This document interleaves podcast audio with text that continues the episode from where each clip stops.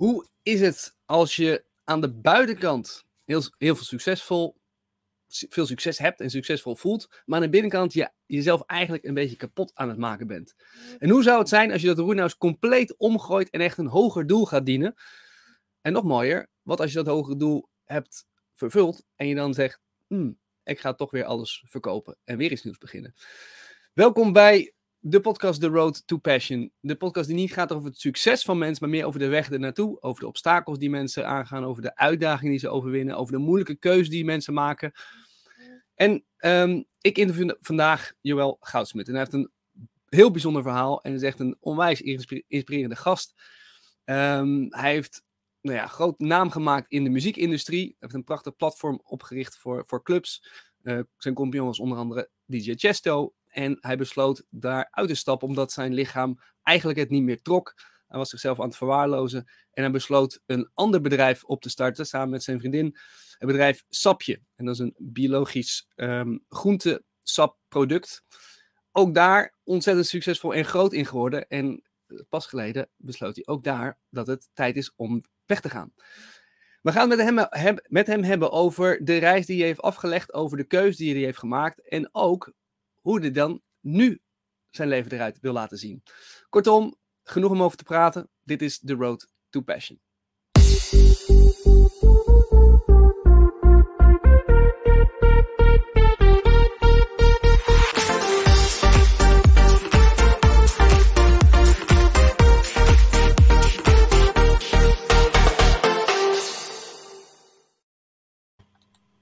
Alrighty.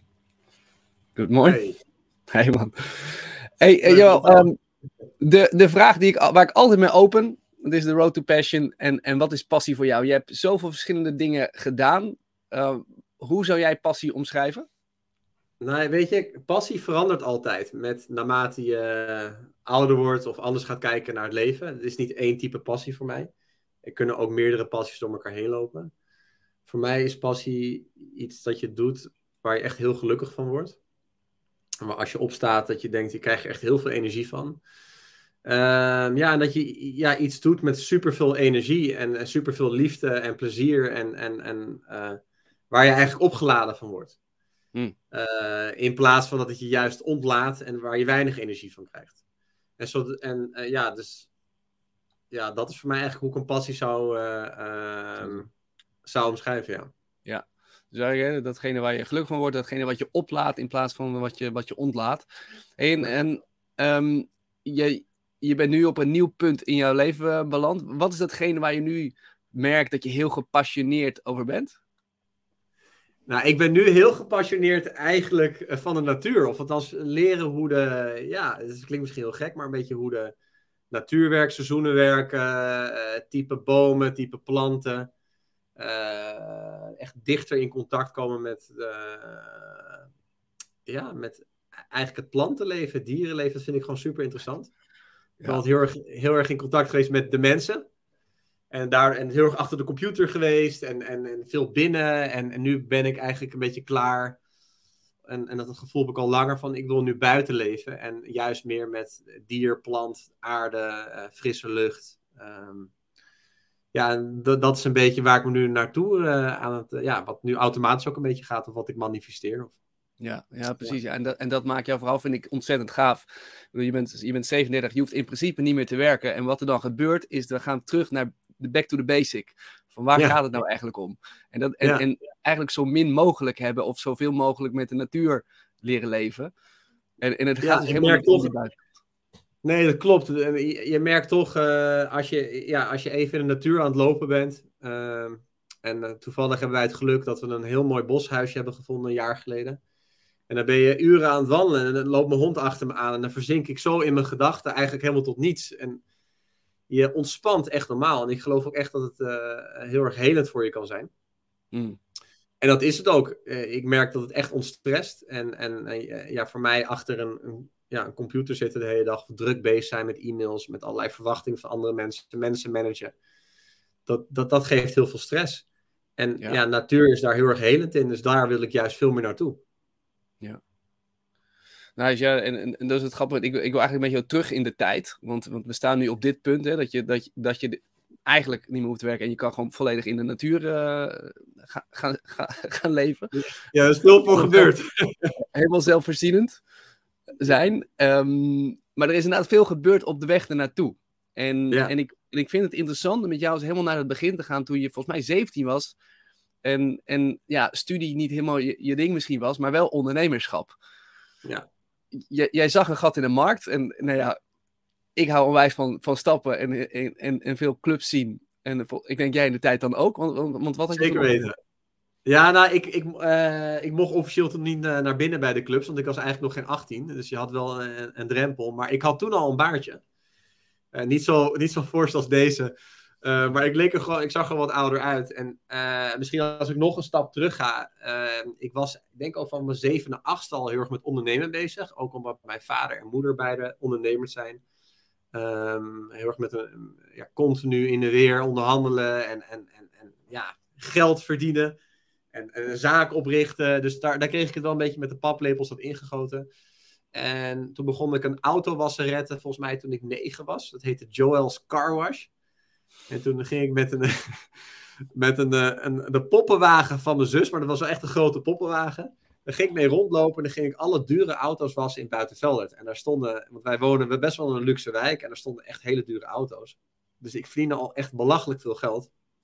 En eigenlijk iedere zomer deed ik dat. En dan konden al die dure auto's op de oprit. Uh, toen bij mijn vader ik ging ze afspuiten en uh, schoonmaken en van binnen en buiten. En dat liep zo uit de hand dat uiteindelijk ook vriendjes van mij voor mij gingen werken. En dat ik ze aan het managen was ik tien of elf. en, toen liep Joel's Car was een beetje uit de hand. Nou, en, en, uh, en, daarna heb ik een hondenuitlaatservice gestart. Want ik vond het toch weer leuk om met dieren te zijn. En niet zozeer uh, met. Uh, ja, eigenlijk vond ik het toen al niet leuk om te managen. Maar ik verdiende heel veel geld. Dus ik kon toen heel veel snoepjes kopen en andere dingetjes. En uh, cassettes voor de Game Boy en zo. Um, ja, en toen uh, begon ik uh, natuurlijk tijdens. eigenlijk voordat ik ging studeren. Ehm, mijn HAVO gedaan, heb ik afgerond. Ik vond studeren echt verschrikkelijk. Mhm. Dus echt met hakken over de sloot heb ik mijn HAVO gehaald. Uh, en waarbij ik in wiskunde en economie, dat waren ook echt mijn slechtste vakken. Dus die ging volgens mij met, uit mijn hoofd met een 4 en een 5 over. Of net een 4 en de andere was net een 6. Uh, dat was gewoon mijn ding niet. Bijles kon me ook niet erbij helpen. Weet je, dus ik was niet gemaakt voor school. Ik was 16,5 toen klaar met mijn HAVO. En toen bedachten mijn ouders, weet je, ga, je bent jong, super jong, ga lekker meteen studeren. Dus toen ben ik naar de hoge hotelschool gegaan. En daar kreeg ik tijdens de colleges kreeg ik les over de klassificatiesystemen van hotels en, uh, en ja, clubs. Of sorry, hotels en restaurants. Dus de, Michelin voor restaurants en uh, gewoon de klassificaties van de 1 tot 5 sterren voor hotels.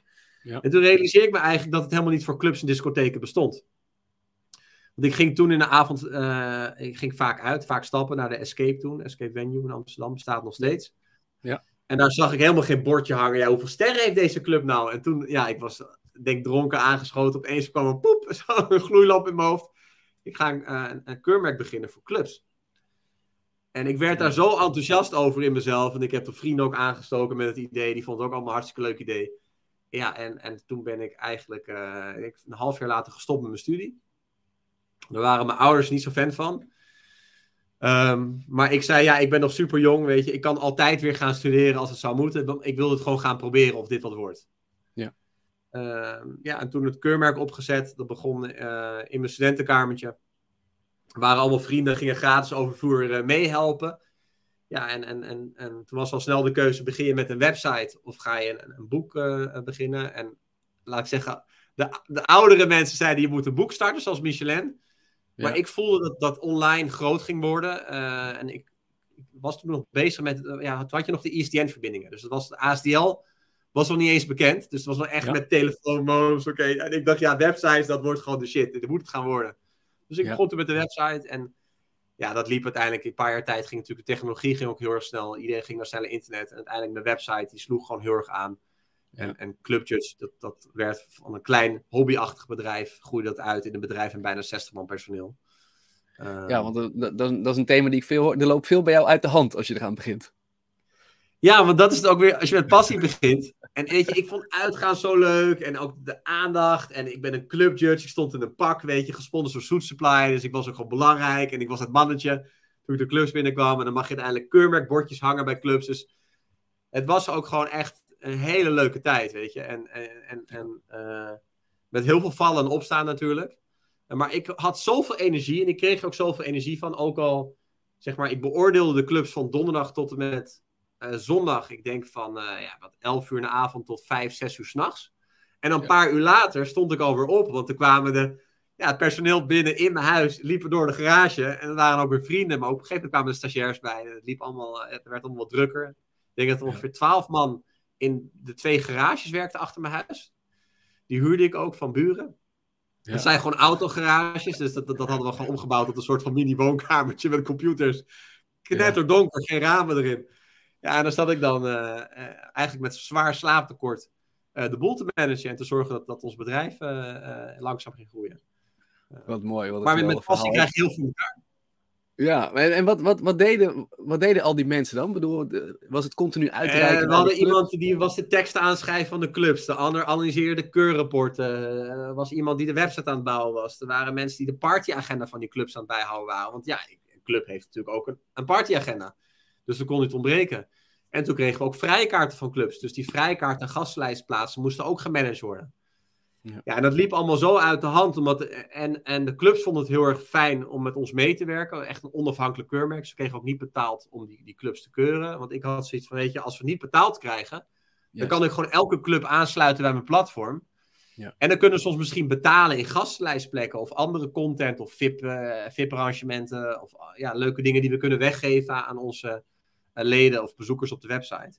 Ja. ja, en uiteindelijk resulteerde dat bijna in 10.000 vrijkaarten per week. 10.000 uh, vrijkaarten per week? Ja, ja, dus we waren de grootste gastlijst vrijkaartenverstrekker ter wereld. Terwijl we alleen nog maar in Nederland actief waren. Dus dat was echt wel heel cool. Wauw. En toen had ik ook zo'n idee van... Ja, ik heb helemaal geen energie om die clubs meer te, te judgen. Want je, elke nacht... Nou, ik hoef jou niet te vertellen... Als je elke dag gaat werken met een overdag aan het managen... Dat hou je gewoon niet vol. Nee. Dus toen dacht ik mensen, ja, misschien wel handig als die, uh, als die gastlijstplekken, daar moeten mensen wat voor gaan doen. Weet je, als jij naar de Jimmy Who wil, of naar de Escape of de Paradiso, dan krijg jij plus één gratis vrijkaarten voor een vet evenement. Maar dan ga je wel als undercover judge, ga jij judgen. Ja, en, en daardoor kregen we ook zoveel data binnen. En die data wow. was weer heel erg handig voor de clubs. En toen bouwde ik een soort van dashboard systeem. Dan konden clubs inloggen en zien hoe hun uh, bar, bars werden beoordeeld, hun programmering. Dus er kwamen allerlei heel veel mooie ja, data binnen. En daardoor hoefde ik niet meer te judgen. Ja. En werd het keurmerk een soort van onderhouden eigenlijk door de community. En die werd alleen maar groter. Dus het ging, niet, het ging van Amsterdam, ging het naar Rotterdam. En het ging naar Antwerpen, en toen naar Ibiza, en toen naar New York. En uh, naar Rome. Het ging alle kanten op. En daar werd het systeem zelf op dezelfde manier uitgerold. Ja, ja. En toen wow, voelden die judges, die waren natuurlijk het mannetje. Ja, precies, ja, ik ben ja. altijd nou, de gastlijst, ik ga jullie clubs beoordelen. Nou, dat was natuurlijk heel fantastisch. Ja, ja, ja. Het, het, wordt echt een win-win-win dan. Hè? Dus, uh, dus ja. vanuit alle kanten worden win. En, en dan kan ik me voorstellen dat mensen nu zitten te luisteren of te kijken. Denk, ja, maar uh, Joël, hoe, kreeg je, hoe kwam je dan aan je geld? Wat was dan je verdienmodel? Hoe, hoe had je dat ingericht? Uh, de eerste jaren heb ik echt op mijn knieën gezeten bij Red Bull. Van hey, mm -hmm. dat zij gewoon mij een geldbedrag geven of het keurmerk. Dat we wel natuurlijk onafhankelijk blijven. Dus niet dat we alleen maar naar de Red Bull clubs gingen, maar puur dat ze ons geld zouden geven om te ondersteunen en mee zouden groeien als wij bekend zouden worden. Mm -hmm. En uh, ja, ik weet daar niks is meer toeval. In het leven ben ik wel achtergekomen. Op een gegeven moment was ik bij de Jimmy Who een keurmerkbordje aan het ophangen. Kan ik me nog herinneren. En ik had een hamer klopboor meegenomen. En mm -hmm. ik heb echt die halve muur eruit geboord. Het ging helemaal verkeerd. Ik was toen super onhandig. En de eigenaar van de Jimmy Who, Casper Reiners, kwam naar buiten en een godverdomme, je hebt mijn muur gemolesteerd. maar die zat toevallig met de directeur van Red Bull Nederland. Nou, dat was uiteindelijk, die is me natuurlijk nooit meer vergeten dat ik het muur kapot geboord. Dus ik werd naar binnen uitgenodigd, kon mijn verhaal doen. En ik mocht bij hem op afspraak, want ik kwam gewoon na twee jaar bellen of drie jaar bellen, kwam ik gewoon bij Red Bull niet binnen. Mm. En uiteindelijk via, op die manier kwam ik bij hem binnen. En toen zei hij, ja, is goed wel, wij geloven in het concept, we gaan je sponsoren. En het was iets van 50.000 euro per jaar. En dat kreeg ik gewoon door handen te schudden. En dan mochten ze hun logo zetten op onze website, Energized by Red Bull. Nou, dat was nice. gewoon kicken. En uh, ja, op een gegeven moment kwamen daar natuurlijk meer merken voorbij. Dus toen kwam Heineken erbij en T-Mobile en allerlei partijen die ook wat wilden met de jongere doelgroep. En toen kwamen de festivals op. En we kregen steeds meer vrijkaarten, steeds meer uitgaanscontent. En die data konden we, uh, ja, we konden op een gegeven moment ook Red Bull vragen bij die undercover judge data erbij doen. Van, hey, drink je ook wel eens Red Bull in de mix? Zo ja, mixje met Bacardi of met een Oh. andere type drankmerken. Dus zij kregen gewoon heel veel marketingonderzoek ook binnen. Ja. En, en, en zo groeide ons verdienmodel uit. En Ja. we, we gingen pas echt geld verdienen eh, toen wij een soort van mediabureau werden. Want wij hadden heel veel data van de clubs en de festivals. Mhm. En uiteindelijk kregen, waren wij een van de grootste uitgaansplatformen toen de tijd van de Benelux. Dus als je een vrijkaartje moest hebben of een VIP-tafel, dan kwam je naar Club Judge. Ja. En toen dacht ik van, hé, hey, weet je wat, ik ga gewoon Radio 538 bellen. En TMF toen de tijd en MTV van, hé, hey, willen jullie een VIP-tafel weggeven namens Club Judge? En zo eh, werden heel veel vrijkaart die we over hadden, maar ook VIP-tafels, werden weggegeven op allerlei eh, mediakanalen. Eh, dat groeide uit tot denk ik 50 of 60 mediakanalen in Nederland.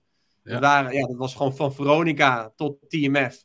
Eh, we deden eigenlijk alle grote mediaplatformen. En toen deden we, mede mogelijk gemaakt door T-Mobile. Mhm. Zo, eh, Nice. ja, zo liep dat uit de hand. En ja, die kwamen op een gegeven moment met 2, 3, 400.000 euro. Dus dat, dat, dat, dat liep gewoon uit de hand. Nou ja, als je met ons wilde samenwerken, ja, dan kunnen we je meenemen in ons platform. En dan kan je ook meenemen in ons bereik. Ja. ja dus als jij Radio 538 aandeed en je hoorde... Hey, ga met Armin van Buren met een privéjet naar Ibiza. Ga met hem in de Pacha je favoriete muziek aanzetten. En dan werd het mede mogelijk gemaakt door Club Judge en T-Mobile. Nou, zo, weet je, dat. Maar Radio 538, die betaalden we niet, want die betaalden met goede content. Ja, wauw, wat Dus, een, een briljant eh, hoe dat dan uitpakt en hoe je dat dan door, eigenlijk doorpakt. Ja, En- ja en de mogelijkheden een soort van barter samenwerking, maar in die Ja. barter kregen wij uiteindelijk allerlei sponsordeals en, en merken die aan ons eh, ja, vast gingen klampen en meerdere jaardeals. Ja. En toen werd Clubjet zo groot en ik wilde al vanaf dag één dat ik start, ik dacht wauw, het zou zo vet zijn als ik een superster DJ aan mijn aan Clubjet zou kunnen binden. Ja. En, en eh, dat, eh, Chesto was mijn grote held. Ja. Eh, en, en op een gegeven moment ja, kwam ik met hem in contact. Zat ik opeens naast hem in een Dylan Hotel bij een open haartje. En toen vertelde hij, wat heb je nodig? Nou, ik, ik zeg, ik heb zoveel geld nodig om technologisch weer uit te gaan bouwen en echt te gaan groeien. Ik denk een half uur later schudde hij de hand en toen was hij kampioen. En eh, ik denk, een week later stond er zo'n smak geld op de rekening. dat, eh, dat is echt bizar was dat hoe dat allemaal ging. En, en ik ben altijd benieuwd, en daar ga ik altijd de vergrootglas op leggen. Je komt niet zomaar met zo iemand in contact. Wat, wat, wat heb je daarvoor in gang gezet of wat heb je daarvoor gemanifesteerd, waardoor, dat, waardoor je ook gewoon bij hem bij de open haard kon zitten? Nou, we hadden, eh, eh, zeg maar, er kwam bij Club Judge een, al een kleinere aandeelhouder. Die, had een, eh, die was echt een horeca-tycoon. Die had iets van 50 horecazaken in het zuiden van Nederland. Ja. En Chesto was begonnen in een van zijn clubs. Ah ja. En zo ben ik uiteindelijk, eerst werd die horeca-tycoon, die had ons ja, wat aandelen gekocht. Want die dacht, Ja. nou, dit, dit kan wel groot worden. Dat vond hij ook hartstikke leuk. Die was ook gewoon helemaal enthousiast. En die was ook aandeelhouder van de concurrent van Red Bull. Dus op een gegeven moment gingen wij een deal sluiten met de concurrent van Red Bull. Want dan krijgen we ook een sponsordeal bij. En eh, toen vroeg ik aan hem van, ja, maar kan jij in contact komen met, met Thijs, met Chesto? Ja, dat kan ik wel. Ja, hoezo dan? Ja, want ik, we willen een stap groter. En uiteindelijk, nou, ik denk na maandenlang met het management bellen, heen en weer mailen, was hij met Amsterdam Dance Event natuurlijk in Amsterdam. En toen had hij tijd voor me vrijgemaakt en ik maakte, ik was echt doodnerveus. En ik maakte een presentatie en dat ging, eh, ik zei, ja, dit ga ik doen, dit ga ik met je geld doen, zoveel heb ik nodig. En toen kwam, riep hij zijn financieel eh, adviseur binnen en zegt hij, hey, eh, ga die deal maar met ze sluiten, ik ben akkoord en eh, we gaan het gewoon regelen. En toen liep hij weg. Dat was, zo ging dat dan. Ja, dat was echt bizar. Ik liep naar buiten, man. Ik denk, wat is hier gebeurd? En, en, En, is het daarna, bedoel, was, was hij gewoon financieel eh, in- investeerder of heb je ook Ja, ik wilde hem eigenlijk om- voornamelijk financieel betrokken houden. Dus meer als een soort van angel investor. Ik zocht niet Ja. iemand die actief eh, aandeelhouder werd. Want het was niet zijn kennis en kunde om een online platform bezig te zijn. Eh, maar ik heb natuurlijk wel actief betrokken. Met, door hem kwam ik ook in contact met andere bekende DJ's. We hebben een keer een feest gegeven in de Panama waar hij de headliner was. Om het, zeg maar, ons, ons platform te lanceren internationaal. Ja. Eh, want Clubbers ging op een gegeven moment de grens over. En ja. ja, ik dacht, ja, als ik Chesto natuurlijk boek in een hele kleine club, heb je natuurlijk gewoon mega veel media-aandacht. Ja. En eh, was, volgens mij was het binnen vijf minuten uitverkocht. Dat was echt bizar, was dat. Ja, ja. En, eh, ja, dus ik heb echt een hele, hele rumorige, echt een super rollercoaster tijd gehad. Het was ook echt wel heel zwaar. Op een gegeven moment natuurlijk, ik deed bijna, ik denk negen jaar of tien jaar runde ik dat bedrijf. En naarmate je groter wordt en er veel meer geld binnenkomt en je gaat met aandeelhouders samenwerken, Mhm. dan, ja, ik verloor op een gegeven moment mijn passie. En hoe kwam dat? Omdat ik niet meer bezig was met wat ik echt leuk vond te doen. Dus echt creatie en, En naar dansen, naar de clubs en mensen ontmoeten. Ik ging uiteindelijk veel meer aandeelhoudersvergaderingen doen. En Ja. eh, balansen managen. En naar mijn EBITDA kijken. Ik wist niet eens wat het was.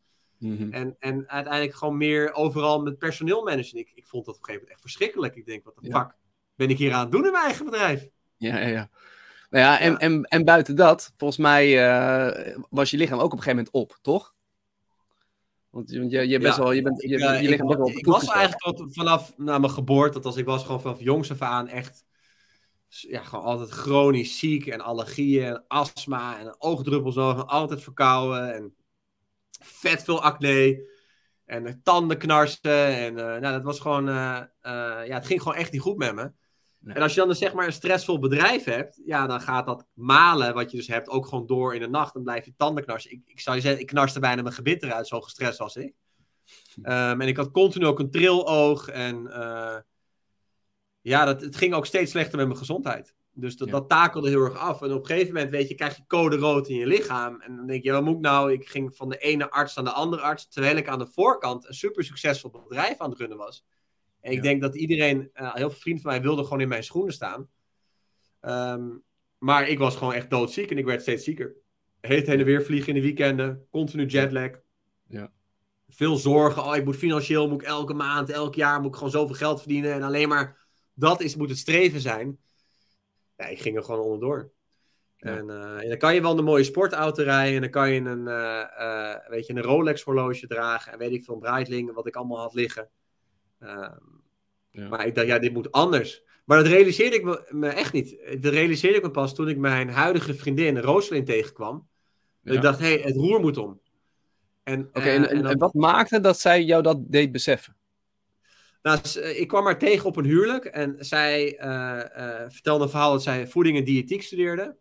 Mhm. En ik dacht, voeding en diëtiek, weet je, wat is voor een rare studie? Wat leer je dan? Hoe je moet koken of zo? Ja, ik was eigenlijk helemaal niet bekend ermee, want ik leefde echt op Red Bull en pizza's en shawarma's in de avond. Ja, echt super ongezond.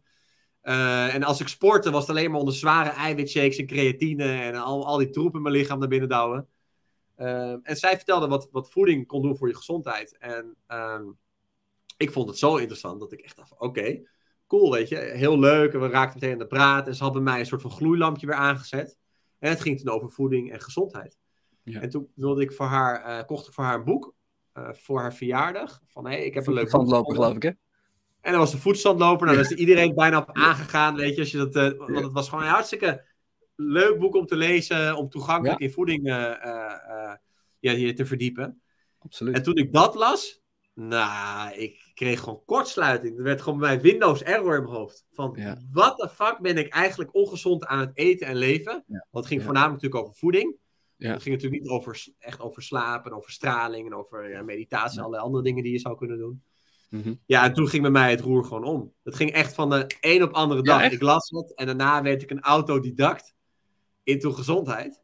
Ehm En, en, en, en- ben niet van studeren, ben ik nooit van geweest. En eh, ik had ook helemaal geen tijd tijdens mijn onderneming om, om, om te gaan studeren. Dus ik dacht, ik ga gewoon alle boeken lezen en documentaires bekijken op dit onderwerp wat ik interessant vind. En zo heb ik mezelf eigenlijk, eh, ja, eigenlijk gezonder gemaakt.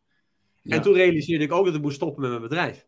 Oké, dus dat ging parallel. Dus je bent enerzijds Ja. aan jezelf gaan werken en toen dus... Ja, dus, op een gegeven moment ging ik gezonder leven, slapen, veel lezen. En hoe meer ik zeg maar documentaires keek over natuur en gezondheid en biologisch eten en groentes en wat zijn we de wereld aan het aandoen en wat ben je jezelf aan het aandoen als je de hele dag zit en als je veel stress hebt. En toen dacht ik, ja, ik kan wel misschien anders gaan managen in mijn bedrijf of ik kan het gewoon loslaten. Ja. En toen ging ik echt een beetje met mezelf in gesprek.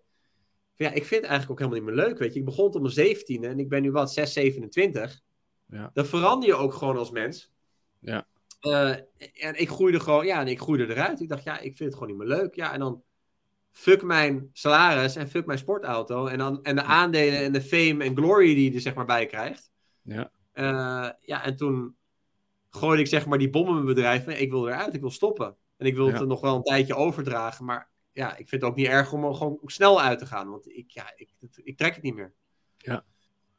En, en hoe Eh, werd erop gereageerd? Wat, wat gebeurde er? Ja, dat was echt een bom die in het bedrijf kwam. Ja. Hmm. Eh, Ze zagen al dat ik, want ik kwam met salades op kantoor. Ik wilde de Red Bull niet meer schenken, want ze waren sponsor. Eh, we hadden echt een, een, hele loods vol met Red Bull, weet je. Iedereen leefde erop, ik ook. Ja. Heineken bar, Bacardi bar, weet je. Alles was drank en, en nou ja, niet drugs, maar gewoon heel veel drank en slecht eten. En ik wilde opeens uh, uh, ja, ga yogalessen gaan organiseren, salagen eten tijdens de lunch. Ik kan me zo voorstellen dat op het moment dat je dit weet, je kan het niet meer niet, niet weten. En, en daarmee alles wat je dan nee. nou ja, over wil brengen op anderen, dat, is, dat past niet meer in. in ja, het is met alles, weet je. Als je eenmaal, zeg maar, ik noem het even de gordijnen van je ogen vallen, ja. dan kan je het niet meer ontzien. Nooit nee. meer.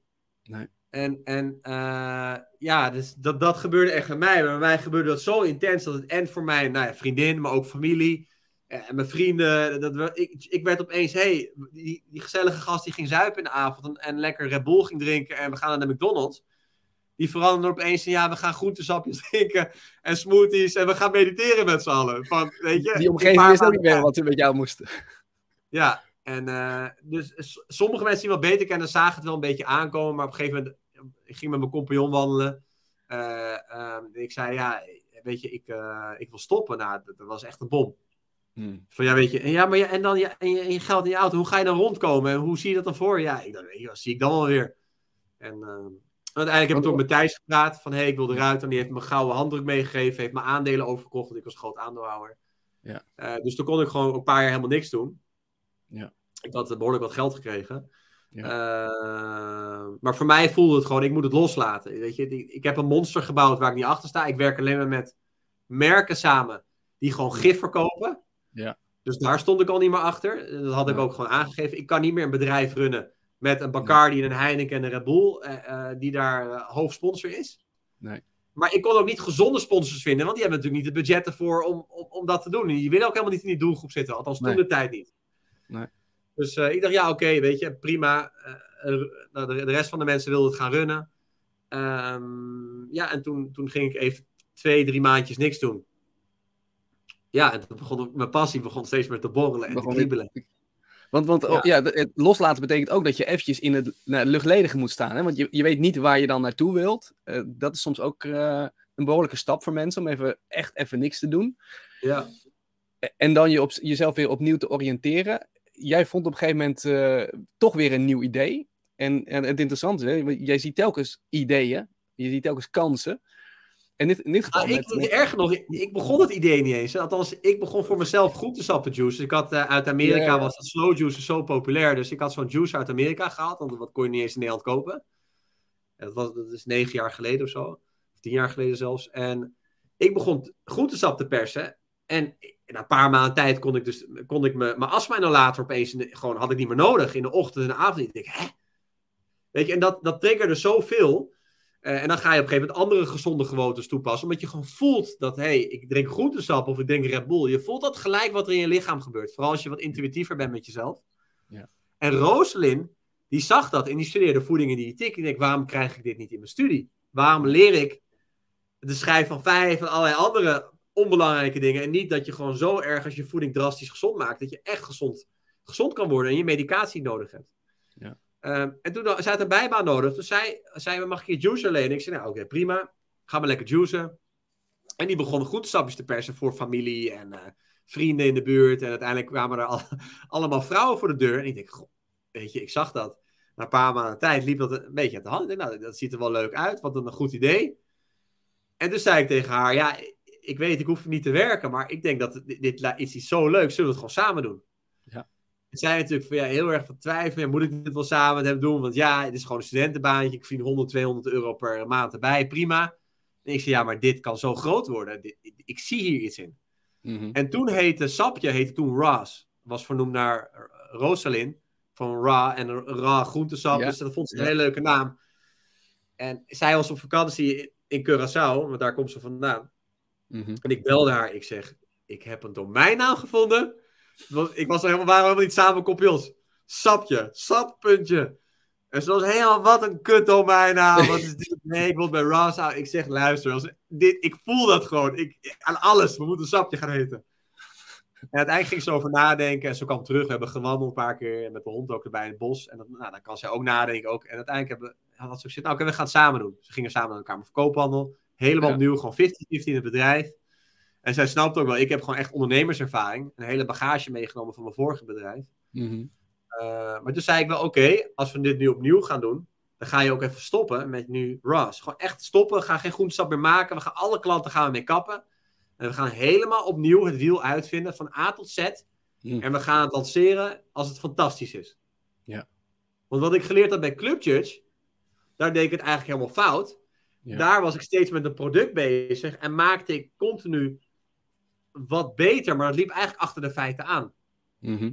En nu had ik geleerd, oké, als ik nu een merk neerzet, en ik maakte, eh, bij clubjes ook, ik maakte iets omdat ik dacht dat, dat ik het heel erg nodig had. Ik wist niet zo zeker of andere mensen het nodig hadden. En bij Sapje creëerde ik juist iets wat juist andere mensen heel erg nodig hadden.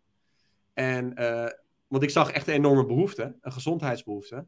Mhm. Maar juist dat het van A tot Z gewoon goed moest zijn. Dus niet geld gedreven en alleen maar, oh, we gaan dit doen omdat we heel veel omzet willen hebben. Nee, of heel veel geld willen. We gaan het doen omdat we echt iets moois, een mooi, goed, eerlijk product willen neerzetten. En Sapje is ook echt gestart vanuit, uh, ja, vanuit dat punt. En niet van, oh, we gaan nu een bedrijf starten, we gaan geld vinden. Zo is Sapje nooit begonnen.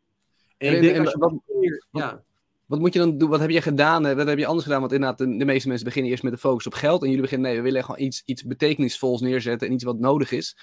Wat, welke stap heb je, anders gedaan aan het begin? Als je focus hebt op geld, dan betekent dat jij dus je eigen tijd, dat je geen mooi kantoor kan starten, dat je geen mooie juicebar kan openen met mooie meubels. Nee, dan moet je alles gewoon tweedehands doen, in je huis. Dus gewoon niet betaald krijgen, gewoon helemaal van de ground up moet je keihard ondernemen. En Ramsey zei, ja, maar Joel, je hebt zoveel geld gekregen vanuit je, van het vorige bedrijf. Kunnen we niet gewoon meteen gewoon alles mooi kopen? Ik zei, nee, want als we vanaf de grond af aan echt gaan ondernemen, dan weten we ook of dit van nature een gezond bedrijf is, of dat we dat gecreëerd hebben doordat we er heel veel geld in hebben gepompt. En, uh, um, en ik geloof ook echt dat ons beide veel beter ondernemers ook heeft gemaakt. En omdat je dan niet met de paplepel, hé, hey, je krijgt een investeerder van een miljoen of van een ton, en uh, we zien wel of het loopt. Ja, en als ik het geld kwijtraak, nou prima, jammer voor die investeerder. En dan voel je het ook veel minder, die pijn. Ja. Nou ja, dit is heel mooi, want heel veel mensen denken, oh, je hebt heel veel geld nodig om te, om te kunnen starten, om een onderneming te kunnen starten. Nou, je, je had in principe dat geld en toch zei je, nee, je moet het juist gezond neerzetten. En dat betekent als je helemaal niks hebt. En, en dus ging je ook weer terug naar de basis. Uh, Echt vanuit zwaar de naar de basis. Zwaar naar de basis. Jongen, er stonden hier tweedehands Vries van Marktplaats. Weet je, een nieuwe die kost je 1000, 1500 euro. En wij hadden ze gekocht voor 150 euro. Want het deed zijn ding. En elke keer met dat geld wat we een beetje verdienen, die winst, kochten we weer een tweede vriezer en een derde. En toen een iets betere juicer. En uiteindelijk ging er een stagiair mee. En uiteindelijk kwam er één iemand één, twee dagen in de week meehelpen. Dus ik moest echt heel hard zijn. Maar ook had ik zo het idee van, hey, online is nu veel sterker. Het was nog niet zo, ook negen jaar geleden was online uh, niet zoals van thuisbezorging en wat je nu hebt met de Zalando en HelloFresh, al die partijen. Stond ook nog in de kinderschoenen. Ja. Maar toen zei ik, had ik wel met Russell een discussie van, hé, hey, ik geloof niet in het winkelconcept. Vooral niet als je met geen geld begint. Want als je een winkel opent, moet je eerst gaan huren voor 5 of 10.000 euro per maand. Moet je twee, drie fulltimers gaan betalen. Moet je het gaan meubileren voor 40, 50, 60.000 euro.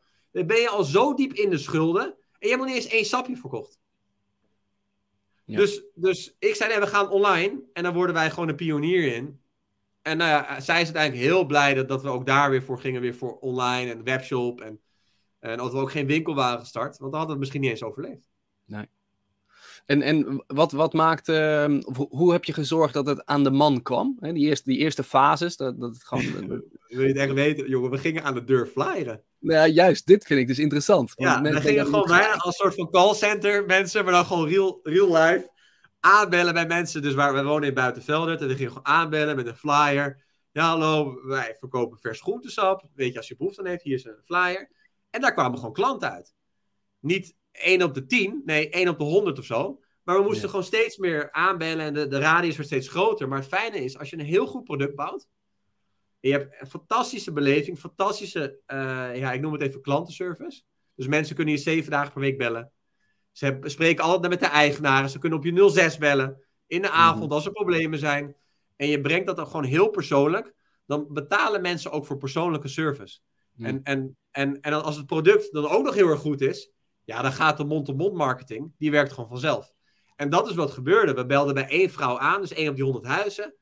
Was weet ik veel, 40 plus die mevrouw. Die had weer 10 vriendinnen in haar groepje. Hé, hey, je moet ook groentesap bestellen. En nou, dat ging als een olievlek verspreiden dat. En op een gegeven moment hoeven we niet meer aan te bellen bij de deuren. Nee. Maar, maar je, je bracht het ook nog zelf persoonlijk langs, hè, in het begin? Ja, met de bakfiets, man. Allemaal, allemaal uh, wij samen. Dus Rooselin was echt tot laat in de avond aan het persen. Echt tot huilens aan toe was ze bleekselderijsap aan het maken. En allerlei en rauwe broccoli aan het juicen. En zo'n klein kut juicetje kost het gewoon heel veel spierkracht. Ja. Want ze zei tegen mij, Joe, ja, ga jij maar verkopen, want daar ben je gewoon goed in. Ja. Ga jij maar de raket aanzetten, ga jij maar verkopen. Ja. Nou, dat liep, ons, dat, dat liep zo hard, omdat we en een goed product hadden. We hadden heel, heel veel sapjes en een goede Dat huisstijl. zijn we harde juice. Ja, dat zij zoveel aan het juicen was. Ze zei, ja, ik trek het niet meer. Na zeven dagen in de week juicen, tot ochtend tot avond. Nee, dat kan niet meer. En we spoelden ook de flesjes om. We haalden ook Ja. alle flesjes op weer met de bakfiets. We deden ook continu aan het recyclen. Ja. ja, toen zei ze, ja, we hebben iemand nodig. Ik zei, ja, maar ja, we maken nog niet echt winst. En dan moeten we met iemand beginnen die misschien een paar uur in de, in de, in de week kan meehelpen. En dat hielp al. En zo, elke keer als we een beetje winst maken, eh ja, investeerden dat weer terug in ons bedrijf. Ja. En zo konden we op een gegeven moment ook investeren in een betere website en een mooiere huisstijl. En... Maar de basis was wel heel erg goed. Ja, en op een gegeven moment hebben jullie je, je eigen slow juicers, geloof ik, ge- gemaakt, hè? Ja, je hebt eh, eh, ja, een bedrijf in, eh, in Korea, die maakt dan eigenlijk de kleine slow juice die je hebt. Dat, dat noem je dan de, dat vond ik, dat Rolls Royce onder de slow juicers. En die hebben ze dan de custom made, de, de echte grote modellen gemaakt voor ons. Die maken dat gewoon ambachtelijk ja, met de hand. Dat zijn met z'n drie man of zo. Ja. En daar hebben we nu vier van die grote units van staan. Ja. Nou, dan kan je gewoon echt een hele... Dat is gewoon een Porsche. Maar ja, we verdienen uiteindelijk, we, we hebben ook gewoon omzet, eh, een gezond bedrijfsmodel. Ja. ja dus dan, en dan, dan kan je dat ook kopen. Maar ik wilde nooit de goedkopere apparaten hebben die onze concurrenten eigenlijk mee werken. Die werken gewoon met flutmachines. Ja. Ga je noemen wie. En die verkopen alsof ze sap maken met de machines waar wij mee werken. Ja. Weet je, en eh, dus ook het verhaal vertellen, maar het eerlijke verhaal. En niet een marketingleugen. Ja, nou ja, heel en... veel bedrijven die gewoon marketingkwets verkondigen. Juist. En ik geloof, weet je, als je echt eerlijk bent en klanten zien dat je van A tot Z, A tot Z ook gewoon klopt. En het ook waar maakt wat je vertelt. Ja, dan hoef je bijna niet te investeren in marketing. Nou ja, en, en ook achter je, achter je waarde blijven staan. Ook als, de, als het daar- daardoor meer kost. Hè, want het is, het is de makkelijke manier om daar goedkopere apparaten te... Nee, wij willen gewoon Ja. deze kwaliteit. Er horen deze machines bij. En, en geen discussie. Ja, En ja dat daar hebben we wel naartoe gewerkt hoor. Ik moest het wel manifesteren. Oh, het zou zo fijn zijn als ik... Je had eerst een model 20k noem je dat. Dus 20 kilo, die kan dan per uur doen. En na oh, manifesteren 60 kilo moeten we die 60k. Ja, maar laten we eentje die nog een keer zo groot is. Ja, en daar, daar werk je gewoon naartoe. En het zijn wel hele trage stappen. Ja. Als ik zeg maar nu meteen eh, een miljoen funding had gehad, dan, dan hadden we zo, hadden we en veel luier ondernomen, hadden we al die belangrijke lessen niet meegenomen met het vallen en opstaan wat je leert. Ehm, hoe werkt met je website, je personeel aannemen, hoe ga je goed inkopen, hoe ga je op je marges letten, hoe ga je daar met alle centjes die je onderhandelt, zijn uiteindelijk weer heel veel euro's na een jaar. Ja. Dus, dus eh, ja, dat, heel erg belangrijk om ook op de kosten te letten. Want winst, zeg maar geld verdienen, is ook zorgen dat je minder uitgeeft. Juist. Ehm, ja, dus, dus eh, allebei, eh, ook voor Russell, is het gewoon echt een zware rollercoaster, weet je. Het gaat niet vanzelf ondernemen. Succesvol worden is ook niet van, oh oh, yes, we hebben een goed idee. En, want we hebben heel veel jongens en heel veel ondernemers en heel veel dames hebben goede ideeën. En die worden niet succesvol. En dat is Ja. dus de drive en de passie die je uiteindelijk hebt. En je gelooft in je concept. En vooral omdat wij het ook ademen. Wij, wij leven die leefstijl. En als je dat dan ook verkoopt, ja, dan eh, eh, ja, dat, dat, dat helpt natuurlijk enorm. Ja, nice. En ja, hoe, hoe lang is dat nu geleden? Want hoeveel jaar bestaat Sapje nu? 8,5, 9 jaar. 8,5, 9 jaar. En we zitten eigenlijk weer op dezelfde eh, de 9 jaar dat je ook denkt, "Mwah, het is weer uit de klauwen gelopen. Ja, nou, dat begon eigenlijk denk ik al, eh, ik denk, ja, anderhalf, twee jaar geleden. Ik dacht van, hé, hey, weet je, ik heb nu wel, we hebben nu wel bereikt wat we willen bereiken in het bedrijf. En het is zo explosief gegroeid, ook door COVID zijn we echt, weet je, heel veel ondernemers zijn helaas geraakt door, door de COVID, maar wij zijn enorm gegroeid daardoor. Omdat mensen heel erg behoefte hadden aan een immuunsysteem versterken, afvallen. De media maakte iedereen helemaal bang. Ja, we moeten allemaal heel gezond geleven. En voor ons was dat uiteindelijk heel positief. Ja. En, dat, en dat, ja, daardoor groeiden we enorm. En toen ik zoiets van, ja, maar ja, ik doe het niet voor nog een nulletje achter de balans. Of voor nog meer winst. Want wij hebben nu een oké salaris, weet je. En we, Ja. we kunnen op vakantie en we komen goed rond. Ik bedoel, Ja. als ik dan nog twee keer zo groot word als bedrijf... Ja. Nog meer personeel, nog meer kopzorgen, nog meer stress. En ik heb gewoon de handrem erop gehouden. Ik dacht, Mhm. van, ja, ik vind het prima zo wat we nu verdienen. Ik hoef niet meer omzet te halen. Ik vind het goed gewoon. Ja. En dus ik heb het gewoon stabiel gehouden. Op de handrem ondernomen. En, en wat was het punt dat je dacht dan, eh, oké, volgens mij moet ik het stokje overdragen? Eh, want je zei, we hebben, we hebben bepaalde dingen gehaald die we... Die we ja, weet je, ik, zei- als je een online eh, webshopbedrijf hebt, zit je toch veel achter de computer. Ja. Ben je toch eh, de hele dag door weer met personeel bezig. En eh, onderhandelingen, deals sluiten. En ik denk, ja, ik zit gewoon eigenlijk zes uur per dag achter de computer. Weet je, mijn ogen begonnen pijn te doen. Af en toe zie je van die lichtschimmetjes. Ja, ik zit dan nu al sinds mijn zeventiende achter een computer. Ik denk, ja, ik moet gewoon weg bij die computer. Ja. Ik moet weg eigenlijk uit al dat digitale waar ik de hele dag mee geleefd word. En, eh, en voor mij begon de passie niet zozeer in het groentesap en, en het gezonde leven. Dat, dat heb ik nog steeds. Maar de passie van op die manier ondernemen. denk, Ja, ik heb alles al bereikt. We, we hebben met de bekendste chefs sapjes gemaakt. Met de bekendste partijen werken we samen. We hebben een hartstikke mooi eh, verdienmodel gecreëerd. We hebben heel veel vaste klanten. Mhm. Ja, wat wil ik nog meer? Wil ik, wil ik nog naar Duitsland? Wil ik naar, weet je, naar Frankrijk toe? Maar dan doe ik gewoon hetzelfde als ik in Nederland en België ook doe. Ja. En dan denk je, ben je weer heel erg aan het ondernemen. En ja, ik dacht, ja, ik vind het eigenlijk helemaal niet meer zo leuk om te ondernemen. Ik vind het nu al, Ja. ik vind het goed zo. Ja. Dus, en, En- toen en- hadden we met Roos dan wat erover. Ja, misschien moeten we nog gaan kijken. Misschien wil iemand anders dit verder ondernemen. Maar wel hoe wij met onze normen en waarden en hoe wij erachter staan. En eh, ja, toen zijn we een, eh, begin van dit jaar aan het kijken geweest naar een partner. Dat kon een strategische partner zijn of een partij die eh, eh, ja, eigenlijk de aandelen van ons wilde overnemen. Maar wel Sapje helemaal wilde laten in de waarde die het was. En ja, we hebben uiteindelijk gewoon een hele goede klik gevonden in een hele leuke partij. Ik ben wel op de achtergrond betrokken strategisch. Weet je, de, de Mhm. receptenproevers, ik blijf, we blijven ook nog voor heel veel jaren het gezicht. Maar Ja. day-to-day zijn we gewoon niet meer betrokken. En doen we gewoon lekker volledig ons, ons eigen ding. En eh, hebben daar eigenlijk een beetje afstand van genomen. Want het loopt al heel erg goed. Netjes. Hey, en, eh, straks wil ik met je, met je door op wat en wat what's next. Maar ik ben wel benieuwd, want jij, jij, hebt, jij hebt twee eh, ondernemingen echt nou ja, groot gemaakt, maar op twee hele verschillende manieren wat betreft hoe jij met jezelf omgaat. De ene was gewoon roofbouw en de ander, denk ik, met alle kennis die je wist, is veel meer vanuit eh gezondheidsinvalshoeken. wat merkte je hoe jij nou ja, wat merkte je in je dagen of hoe je ondernam of wat er gebeurde met de communicatie, met je relaties, met je energie? Wat, wat merkte je? Als je op een gegeven moment naar een bedrijf gaat waar je bij iets goeds doet voor de, ja, voor de mensen om je heen. En uiteindelijk ook voor jezelf. En, en waar je ook gewoon normale tijden naar bed kan gaan. eh, Dan ga je natuurlijk, je gezondheid gaat er ook op vooruit. Maar ik moet wel zeggen, op een gegeven moment werd het stapje zo druk. En uiteindelijk ook weer zo stressvol. Omdat je natuurlijk groeit, groeit, groeit. Dat dezelfde stress weer terugkwam van mijn vorige bedrijf. Ja. Ik heb daar niet heel veel van geleerd. Ja, ik heb een, een veel gezonder bedrijf neergezet. Maar uiteindelijk bleef ik ook weer roofbouw op onze gezondheid. Op Toch mijn wel. gezondheid. Ik begon ook weer vermoeid te worden, stress te raken, trilhoog van de hele dag achter het beeldscherm zitten. Ehm, ehm, ja, slechter voor je, je lichaam te zorgen. Ehm, dus ik heb, er, ik heb er veel van geleerd, maar ook weer niet. Mhm. Weet je, ik ben niet, oh, ik heb niet een soort van meditatieretreat opgezet. Nee, ik wilde weer veel te succesvol worden, want het ging zo goed, die golf. Als je zo op die golf zit, je krijgt er zo'n high van. Ja. En dan wil je daar, daar meer van. En ik ben mezelf ook daarin voorbij gelopen. Ja.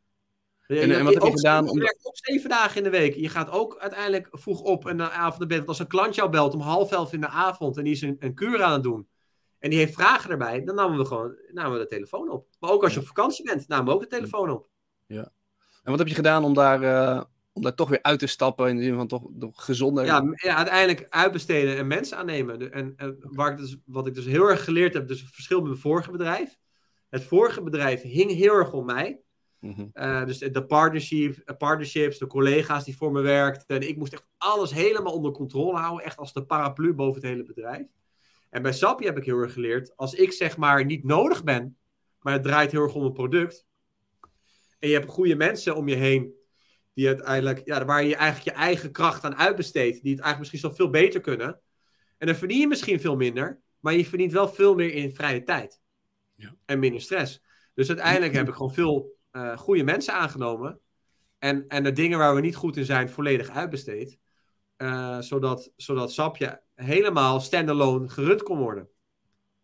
En daardoor kon ik ook uh, Sapje want, overdragen in een paar maanden tijd. En niet dat ik in twee jaar heb moeten overdragen wat de normale directie of mensen doen. Ik kon het in een paar maanden overdragen, omdat alles al overgedragen was. Ja. Netjes. Ja. En zo heb ik het bedrijf op een gegeven moment ook een beetje neergezet. Van hé, hey, als ik morgen dood neerval, of ik wil. Ja. Bijvoorbeeld toen, uh, toen de, de corona uitbrak, zat ik zeg maar op het begin ervan, zat ik gewoon vier maanden in Curaçao. Zat ik gewoon in mijn zwembroek, terwijl giga druk waren bij Sapje. Ik zat gewoon in Curaçao met tijdverschil, het bedrijf erin in mijn zwembroek, ik denk twee uur per dag. En de rest van het personeel die deed het gewoon supergoed. En ik hoefde ook niet eens terug. Want ik denk, hoezo moet ik in een lockdown terugkomen als ik hier in de zon zit te werken? Prima toch? ja. En is het, is het ook, uh, want, want je, je, je hebt een, een, een boek geschreven, dus een, een, een, een fors, uh, fors boek, een mooi uh, Oh ja, dat ben ik helemaal vergeten, ja, dat klopt. Dus re Reboot Je Gezondheid, daar staat echt, nou ja, op alle vlakken waar je gezond, gezonder mee door kunt worden, heb jij uitgelicht. Ja. Hoe heb je dat dan geschreven? Want kijk, als mensen het willen lezen, dan moeten ze dit gewoon, gewoon bestellen. Maar ik ben benieuwd, het proces ernaartoe, het zijn echt veel pagina's met superveel informatie en waardevolle Ja, dat was ook een bizar proces. Dat, ik heb dat boek geschreven tussen, eigenlijk tussen Sapje door, maar ook tussen de geboorte door van mijn dochter. Ja. Het idee, dat begon bij mij al zeg maar, toen ik net van mijn vorige bedrijf naar Sapje ging en ik ging gezonder leven en ik ging als een autodidact alles opslurpen en opzuigen qua informatie die ik nodig had en wat ik interessant vond. Toen dacht ik, ja, waarom is er niet gewoon één boek die dat een beetje samenvat? Um, dus toen heb ik uh, uh, een beetje de hoofdlijnen opgeschreven van ja, hoe moet je eigenlijk poepen? Moeten we wel tandpasta gebruiken? Zo ja, wat voor een tandpasta? Wat, uh, hoeveel water moet je per dag drinken? Moet het dan gefilterd zijn, ja of nee? moet je cosmetica op je gezicht doen? ja, hoe moet je naar je werk toe? in wat voor bed slaap je eigenlijk? Dus ik heb alle rituelen die Nederlanders hebben gemaild op een dag beschreven ja. in een boek. Ja, ja en, en toen had ik, ik, het was gewoon druk bij Sapjes. Dus ik had die ideeën opgeschreven. Toen ben ik naar een uitgever gegaan en die uitgever wilde het uitbrengen. En daar ben ik toen heel lang mee in contact geweest, ook contracten mee gesloten. En die hebben toen zo'n een betaling gedaan, zodat ik die eerste manuscript kon maken. Ja, en toen werd een, de, de, mevrouw zwanger die mijn project overnam. En die viel toen uit. En toen kwam er een tweede dame die mijn project overnam. En die wilde mijn uh, boek halveren in content. Ja, je gaat niet over straling praten. Je gaat dit niet. Dit, dit gaat de Bruna niet uitgeven. Ik dacht, ja, fuck die hele Bruna. Ik ga gewoon schrijven wat ik wil schrijven. Ik ga niet gecensureerd worden. Ja.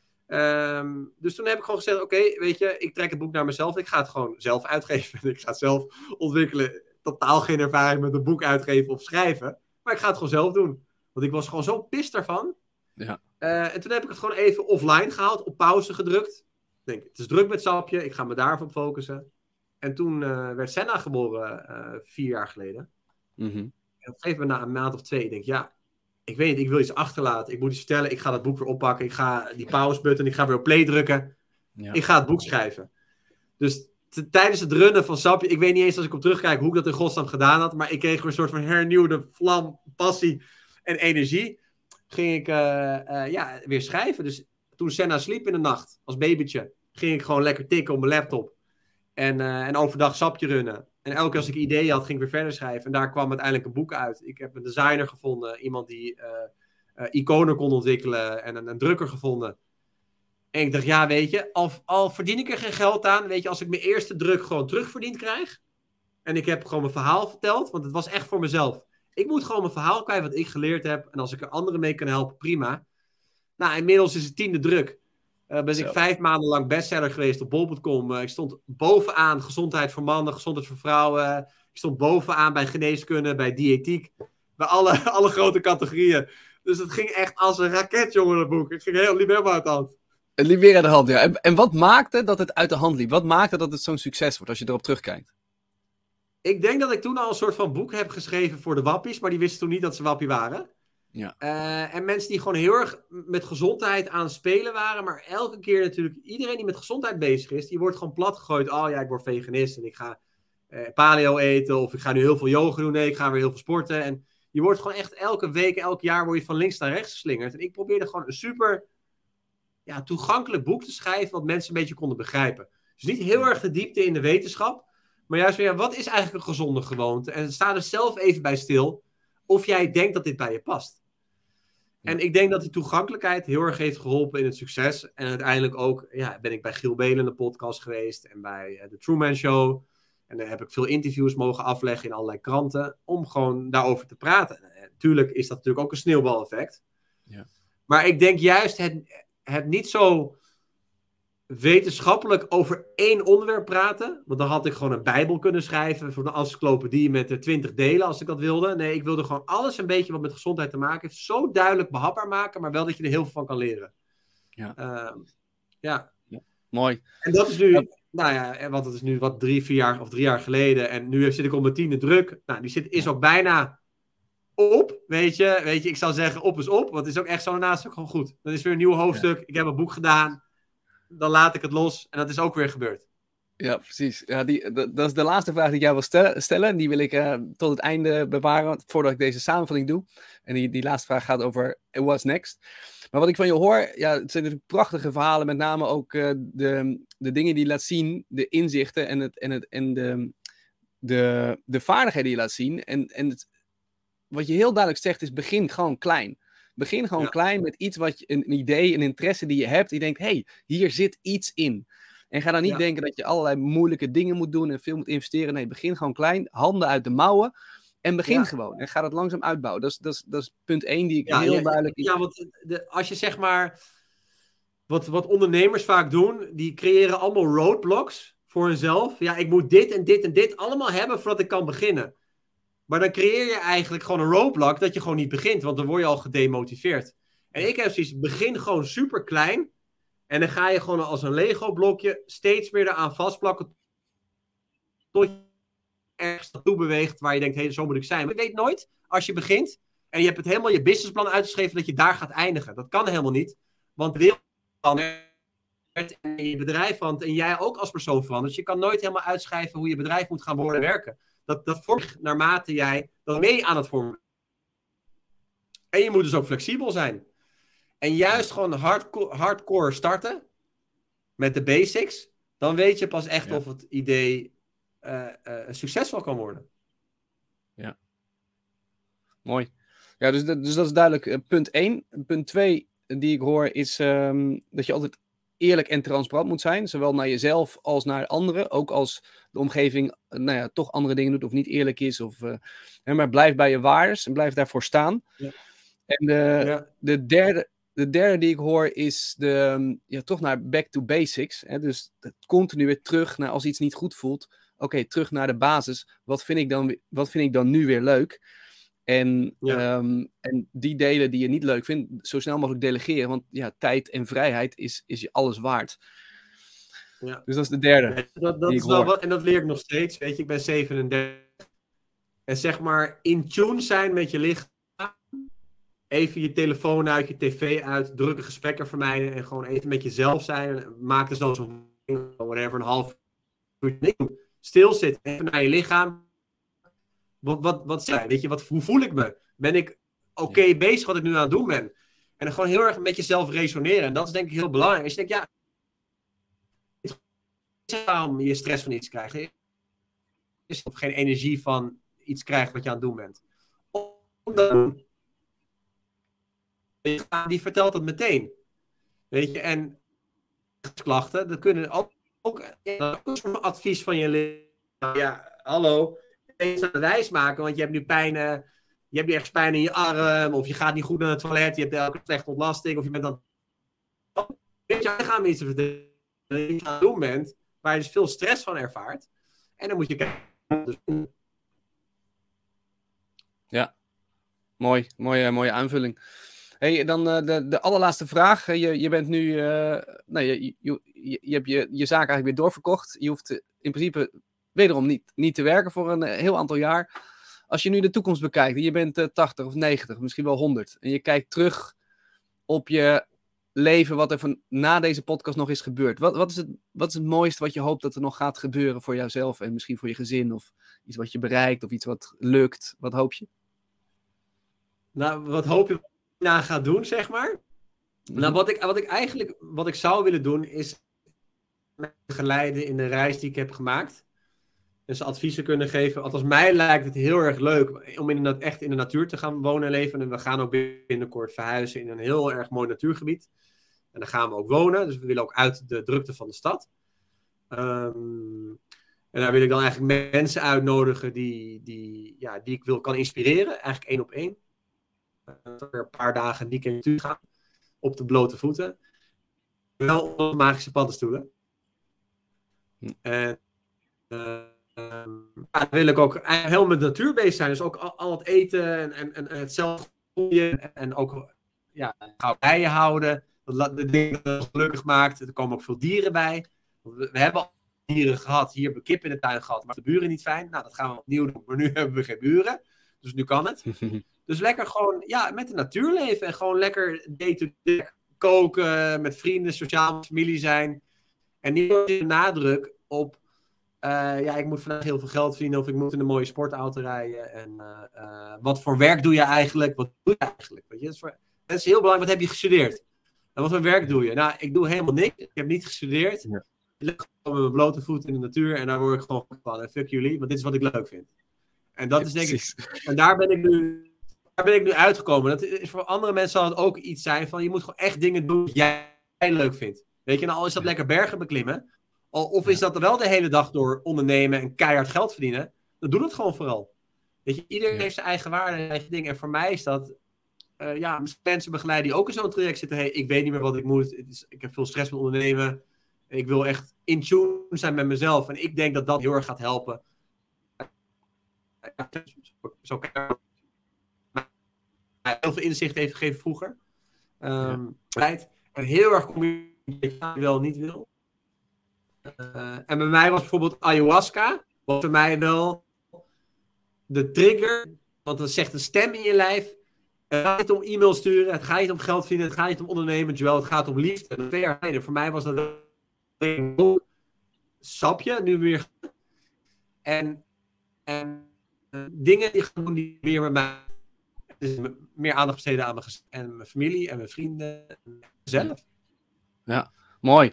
Nou, mooie, mooie woorden om, om af te sluiten. En uh, nou, als mensen jou willen volgen op uh, Joel Goudsmit, kunnen ze ook veel van jouw huidige leven dan zien. Hè? En ook een beetje hoe jij kijkt en wat jij ziet in de wereld, wat er allemaal gebeurt. Dus dat is absoluut een aanrader. Je boek is gewoon te bestellen via bol.com. Reboot je gezondheid in 24 uur. Um, ja, en nou ja, hopelijk gaan we veel van, van die nieuwe wereld van jou zien. Want ik denk dat we daar als, als, als maatschappij enorm veel aan hebben. Dus dank uh, Joël voor jouw um, inzichten, voor jouw gesprek. Um, als je nu zit te kijken of zit te luisteren, uh, je doet ons een enorm plezier door deze podcast een review te geven met een aantal sterren. Want dat zorgt weer dat we dit soort verhalen nog meer aan de man krijgen. In ieder geval, Joël, onwijs bedankt. Ik ga jou heel snel zien, hopelijk. En uh, tot snel dan.